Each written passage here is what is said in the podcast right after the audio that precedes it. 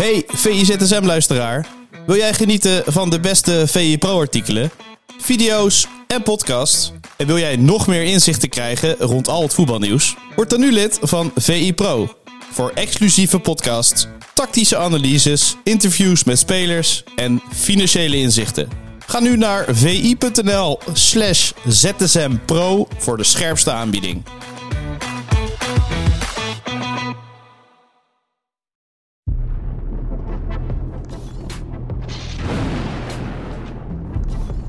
Goedemorgen en welkom bij VIZSM van vrijdag 29 december van het jaar 2023. De kerstdagen zitten erop. Oud en nieuw moet nog komen natuurlijk, maar wij nemen gewoon ZSM op, de dagelijkse podcast van Voetbal International. Mijn naam is Matthijs Vechter en uh, Piet de Zwart, uh, die zit uh, online tegenover mij. Goedemorgen. Goedemorgen. Is het goed afgelopen met de kraan bij jou thuis, vroeg ik me af trouwens. Dat is uh, goed uh, afgelopen, ja. S morgens vroeg uh, kwamen ze hier al de kraan voor de douche vervangen. Dus ik, ik, kan weer douchen. Mochten de mensen denken, waarom ziet hij er zo uit? Dat, de, de, douche moest gerepareerd worden. Hele belangrijke zaken natuurlijk. En een goede kerst heb je ook gehad, hoorde ik. Dus dat, dat zijn goede voorwaarden om, om weer lekker over voetbal te praten, toch? Absoluut. hey, wat is die Premier League eigenlijk een, een waanzinnige competitie? Hè? Dat wisten we eigenlijk al. Maar dat hebben we gisteren nog maar eens bevestigd gekregen. Ja, het was weer twee keer genieten. En je gaat ervoor zitten. Het is ook eigenlijk het enige waarvoor je kan gaan zitten op zo'n uh, avond. En ja, dan begin je met Brighton uh, Spurs. Ja, wat eigenlijk echt een feest was voor de voetballiefhebber. Twee ploegen die willen opbouwen. Twee ploegen die willen druk zetten. Alleen, ja, Brighton was in dit geval echt wel een uh, stukje beter dan de door blessures gehavende Spurs. En dan is het 3-0. En dan denk je, nou, ik ga schakelen naar Arsenal. Ja, die waren natuurlijk al vroeg op achterstand gekomen door uh, het doelpunt met een gevalletje wel of niet uh, over de lijn. Ik zag alweer allemaal uh, dingen voorbij komen die we ook in Nederland nog goed kennen. Vanuit die Ajax PSV of PSV Ajax met Daily Blind wel of niet over de lijn en perspectief. En weet ik het allemaal niet. was hij er nou wel over, was hij er nou niet over. Ja, en dan ja, Arsenal duidelijk aan het domineren. Cornertje, die wordt erin gekopt. En ja, puntenverlies. Dus het, ja, het komt nu echt allemaal heel dicht uh, bij elkaar uh, in die top van de Premier League. Ja, het is uitgerekend die, die Mavropanos die dan nog voor de 2-0 zorgt bij uh, West Ham United tegen Arsenal. Die goal van Soucek, daar werd volgens mij bijna vijf minuten naar gekeken. Dat is toch eigenlijk, dat, dat kan toch niet? Hoe kun je nou zoiets, zoiets uitbannen, Pieter? Dit, dit soort dingen moet toch niet kunnen? En bij Arsenal zijn ze ook echt ja, uh, Arteta heeft het al eerder over een absolute disgrace gehad. Dat zal hij nu ongetwijfeld weer uh, gezegd hebben. uh, volgens mij heeft de Engelse voetbalbond toegegeven dat dit niet heel erg vrij was allemaal. hoe kunnen we dit nou ja, voorkomen? Ja, ballen over de lijn is best wel ingewikkeld. Dus vanwege dat perspectief om het met de camera vast te stellen. Ja, we hebben natuurlijk de doellijntechnologie.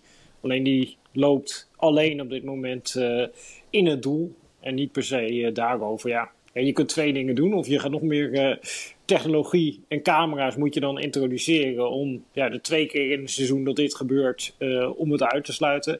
Ja, of je kan zeggen, een beetje in de geest van de Sepp Blatter. Ja, het is ook het charme van het spel dat we nu uh, wekenlang kunnen discussiëren over ja, was hij wel of niet over de lijn. en het, ja, het is zo duur om dit uit te bannen dat het misschien ja, uiteindelijk niet ja, loont ten opzichte van wat dat uh, oplevert. Die twee situaties in dit jaar waar hier uh, discussie over is. Dus ja, het zit net, net in welk kamp uh, je zit, denk ik. In welk kamp zit jij? Nou, ik heb hier wel zoiets bij van... Ja, je kunt het proberen uit te sluiten en dan ga je enorm veel geld investeren. En dan komt er daarna waarschijnlijk wel weer een volgend iets. Uh, ja, het wordt gewoon zo goed mogelijk bekeken met de beelden. De scheidsrechter probeert het uh, op het veld te beoordelen. Er is ook nog een grensrechter die dit uh, beoordeelt. Ja, en als iedereen zegt, ja, oké, het kan door. en ergens wil ik ook nog wel charme in zitten dat we zeggen van... Ja, bij twijfel krijgt de aanvallende partij ook het voordeel. ja, laat dan dat doelpunt maar tellen. ja, ook al snap ik dat als jij van Arsenal bent, dat je denkt, ja, hallo, wij zijn altijd uh, de benadeelde partij. Ja. Uh, of in ieder geval in dit uh, geval. maar goed, ja, trainers hebben daar vaak wel een handje van. Dat ze het idee hebben van de, de beslissingen die tegen hen vallen, die kunnen ze allemaal heel goed reproduceren. En als ze af en toe iets mee hebben, dan hoor je ze er wat minder lang over. Ja, Arsenal verliest dan ja, hele belangrijke punten in die Engelse titelstrijd, kan je wel zeggen, toch? Dat klopt, dat klopt. Ik zag dat was eergisteren, dat bericht voorbij komen dat uh, Manchester City iedereen de training hervat had. Nou, daarna raakte wel weer John Stones uh, geblesseerd. Maar ja, je weet bij Manchester City onder Pep Guardiola dat in de tweede seizoenshelft dan valt dat elftal in elkaar en dan gaan ze punten pakken. Ja, vorig jaar had Arsenal voor dat moment eigenlijk al een gaatje. Uh, en ja, nu is dat gat kleiner. Ja, dus ga je, gaan ze dat dan redden? Daar begin ik dan hard hoofd in te krijgen. Ik geef eigenlijk uh, Liverpool op dit moment nu meer kans om City van de titel te houden dan de Arsenal. Ja, die hadden gewoon die kloof moeten behouden, Arsenal, om echt een kans te maken om City er vanaf te houden. ja, en om in zo'n tweede seizoen zelf. Ja, we hebben natuurlijk een paar van die seizoenen gehad met Liverpool en City. Dat ook aan het einde van het seizoen, dat van de laatste tien wedstrijden, dat ze er allebei minimaal negen winnen. Uh, ja, daar zijn deze twee ploegen toe in staat. Uh, en dat hebben we van Arsenal nog niet gezien. Ja, dus ik vrees ook een beetje voor Arsenal dat dit een van die wedstrijden is waarvan je dan achteraf zegt: uh, oké, hier begonnen ze de titel uit zicht te raken. en verloren ze langzaam de aansluiting met Liverpool en Manchester City. Ook al staat City er op dit moment nog onder.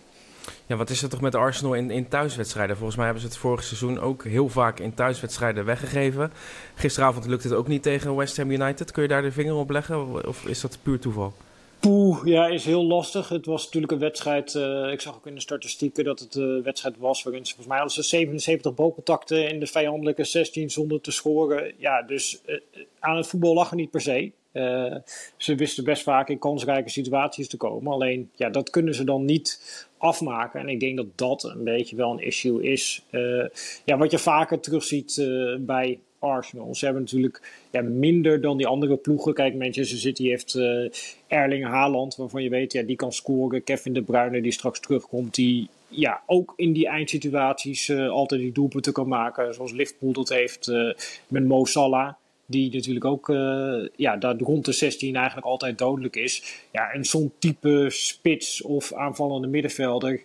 Ja, die een garantie is voor heel veel doelpunten. Ja, dat heeft Arsenal eigenlijk niet. Uh, en dan kan het dus gebeuren dat je heel vaak in die 16 komt uh, en niet scoort. Ja, en dan omgekeerd. Ja, dat het denk ik uit de spelhervatting fout gaat. Ook al presteert Arsenal er best aardig op dit seizoen.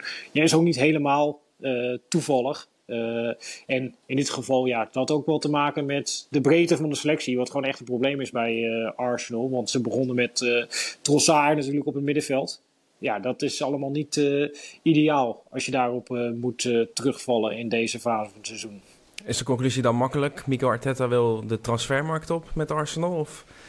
Ja, dat was eigenlijk al bekend dat ze graag nog een middenvelder erbij wilden halen. Uh, ja, naast Rice missen ze eigenlijk een soort van controlerende middenvelder. Ze hebben vaak ook gespeeld natuurlijk met uh, Havertz uh, dan naast uh, Eudegaard en ook Rice als enige controleur.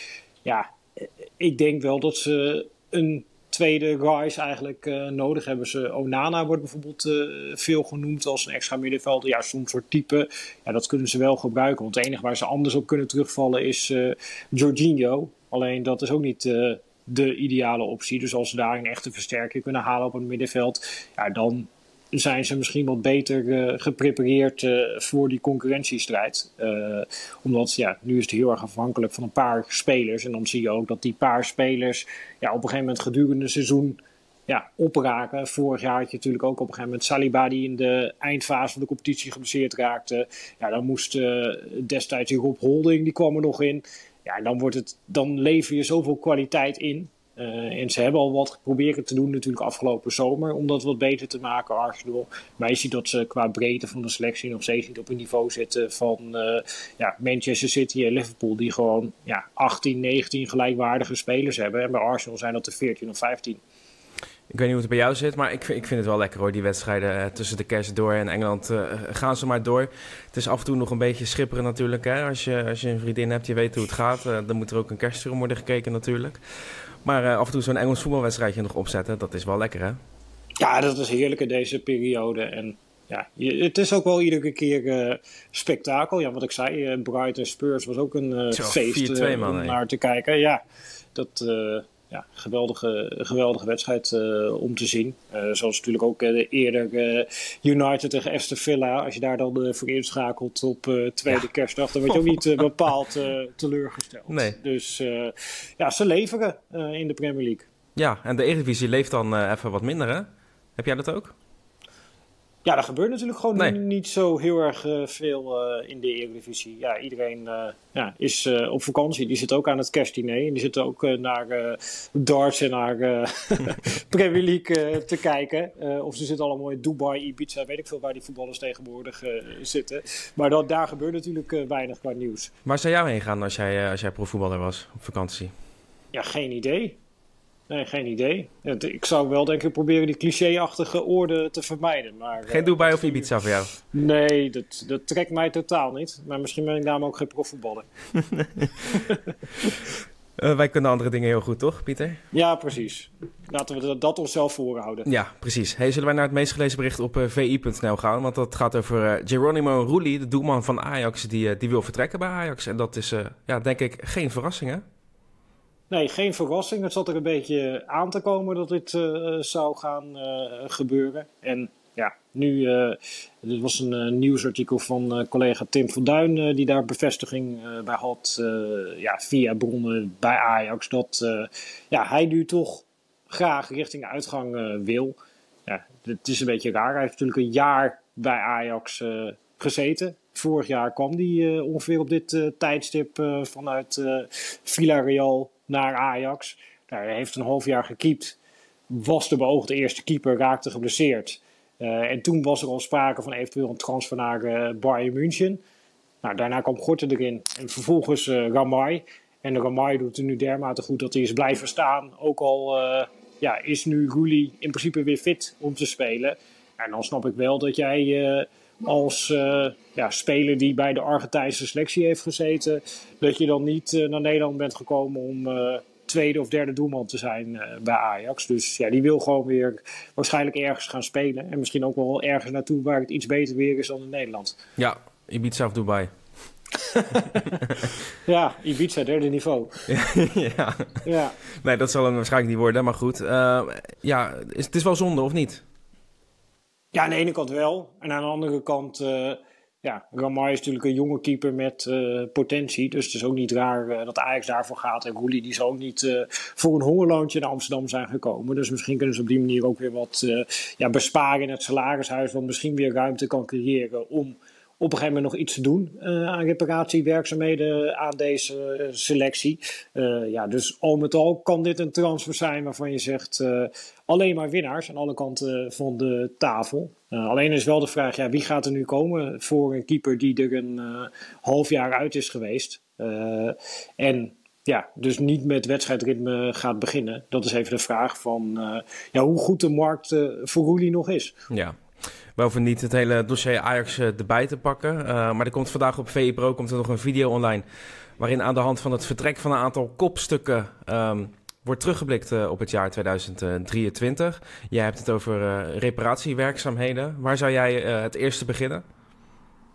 Met deze selectie dan denk ik toch Alleen, is wel afhankelijk van uh, ja, waar je mogelijkheden liggen. Maar als je iets kan doen, dan wil je eigenlijk liefst denk ik een uh, controlerende middenvelder met ervaring hebben. Uh, zodat je ook centraal op het veld ja, wat leidinggevende capaciteit hebt van iemand die die ploeg kan neerzetten. Uh, als je nu gewoon simpel kijkt naar de as van het veld bij Ajax, dan staat daar uh, Ramai, een jonge Duitse doelman die voor het eerst eerste keeper is in zijn carrière. Dan heb je Hato, een verdediger. Hij is nog steeds 17. en daarnaast staat Soetalo, die na een moeizame start zich enigszins aan het herpakken is. maar daarvan is bekend dat hij bijvoorbeeld Engels kan hij wel verstaan, maar niet heel goed spreken kun je ook niet van verwachten dat hij de boel aanstuurt. En vaak staat daar nu voor Benjamin Tahirovic, die ook heel erg druk is met zichzelf en eigenlijk voor het eerst in zijn carrière een vaste basisplek heeft. Met daarnaast Kenneth Taylor, die toch ook lang geworsteld heeft met zijn vorm. Ja, als je dan dat quintet pakt, is er eigenlijk niemand waarvan je kan verwachten dat hij een keertje tegen de bek zegt: hey, loop eens naar achteren, want de organisatie achter ons staat niet goed. Ja, als je soms soort spelers zou kunnen halen, ja, dan kan Ajax daarmee denk ik wel een ja, enorme slag slaan. Dat je iemand hebt die op het veld ook organisatie kan bewaken. Want dat gebeurt ja, momenteel gewoon niet.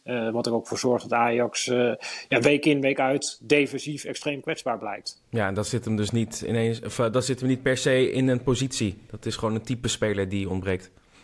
Ja, en die wil je het liefst wel, denk ik, hebben dus in, het, in de as van het veld. Uh, nou ja, zet K achterin. Ik denk dat die spelers individueel op zich de kwaliteit hebben om daar uh, te spelen. En de keeper, daar hebben we net ook over. Uh, ja, dat is ook raar om die weg te gaan halen. dus dan is het meest logische, denk ik, om dan soms speler te zoeken controlerend op het middenveld. Ja, precies ja. Hey, zolang ik leef, steun ik RKC. Dat gaat over een verhaal op VI Pro, dat als meest gelezen artikel te zien is. Uh, ook in het kerstnummer, natuurlijk te lezen, een verhaal van uh, Tom Knipping. Waarom uh, moeten mensen dit verhaal gaan lezen, Pieter? Nou, dit, dit schetst vooral het beeld achter de club RKC Waalwijk. Die club is natuurlijk ja, heel erg verbonden aan één man. En dat is Ben Mandenmakers.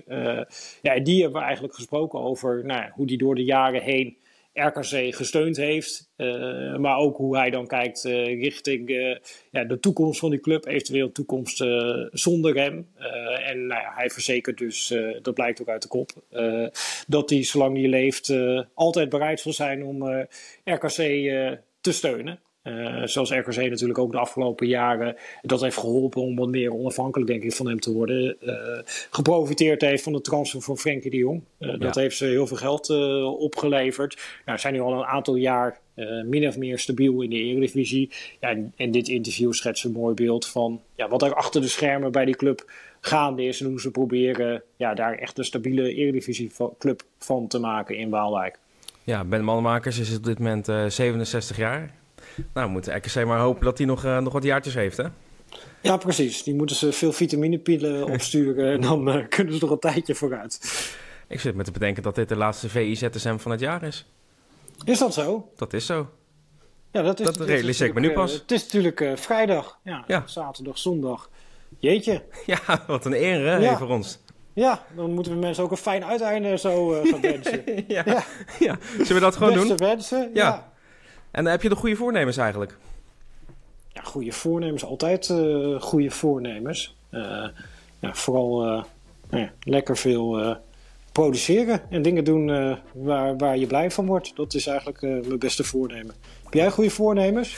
vooral heel veel blijven kijken en werken voor Voetbal International. En, heel goed, heel goed. Dat lijkt me uitstekend. En heb je de serie elftal van het jaar al gezien op YouTube? Ik heb onderdelen van de serie gezien. Dat is natuurlijk steeds uh, per positie. Uh, dus ik heb nog niet uh, elke positie heb ik, gezien. Maar ik zie natuurlijk dingen, dingen voorbij komen. En ik ben benieuwd of de, het Griezmann-mysterie nog opgelost kan worden. Ik wou net zeggen, heb je iets gezien waar je het totaal niet mee eens bent? Of, of valt het wel mee? Nou ja, ik maak me wel zorgen. Sleeman was natuurlijk gisterjarig. Of die dan überhaupt nog terugkomt van zijn vakantie nadat ik die video had gezien. Ja. Ja, dat, dat, is de grote vraag. 41 is hij geworden. Bij deze dus ook uh, nog de felicitaties natuurlijk naar, uh, naar Suleiman. Ja, gefeliciteerd. Oké, okay, Pieter. Mag ik jou bedanken voor deze allerlaatste VIZSM uh, van het jaar 2023. Zeker. En dan ja, in plaats van tot ZSM is het dan tot 2024. Tot 24. En bij deze ook natuurlijk alle luisteraars en, uh, en kijkers van deze podcast uh, bedankt voor het luisteren. En uh, we hopen natuurlijk dat jullie dat in vele getalen zullen blijven doen in 2024. ook namens Pieter natuurlijk. En ongetwijfeld de rest van Voetbal International, hè Piet? Zeker.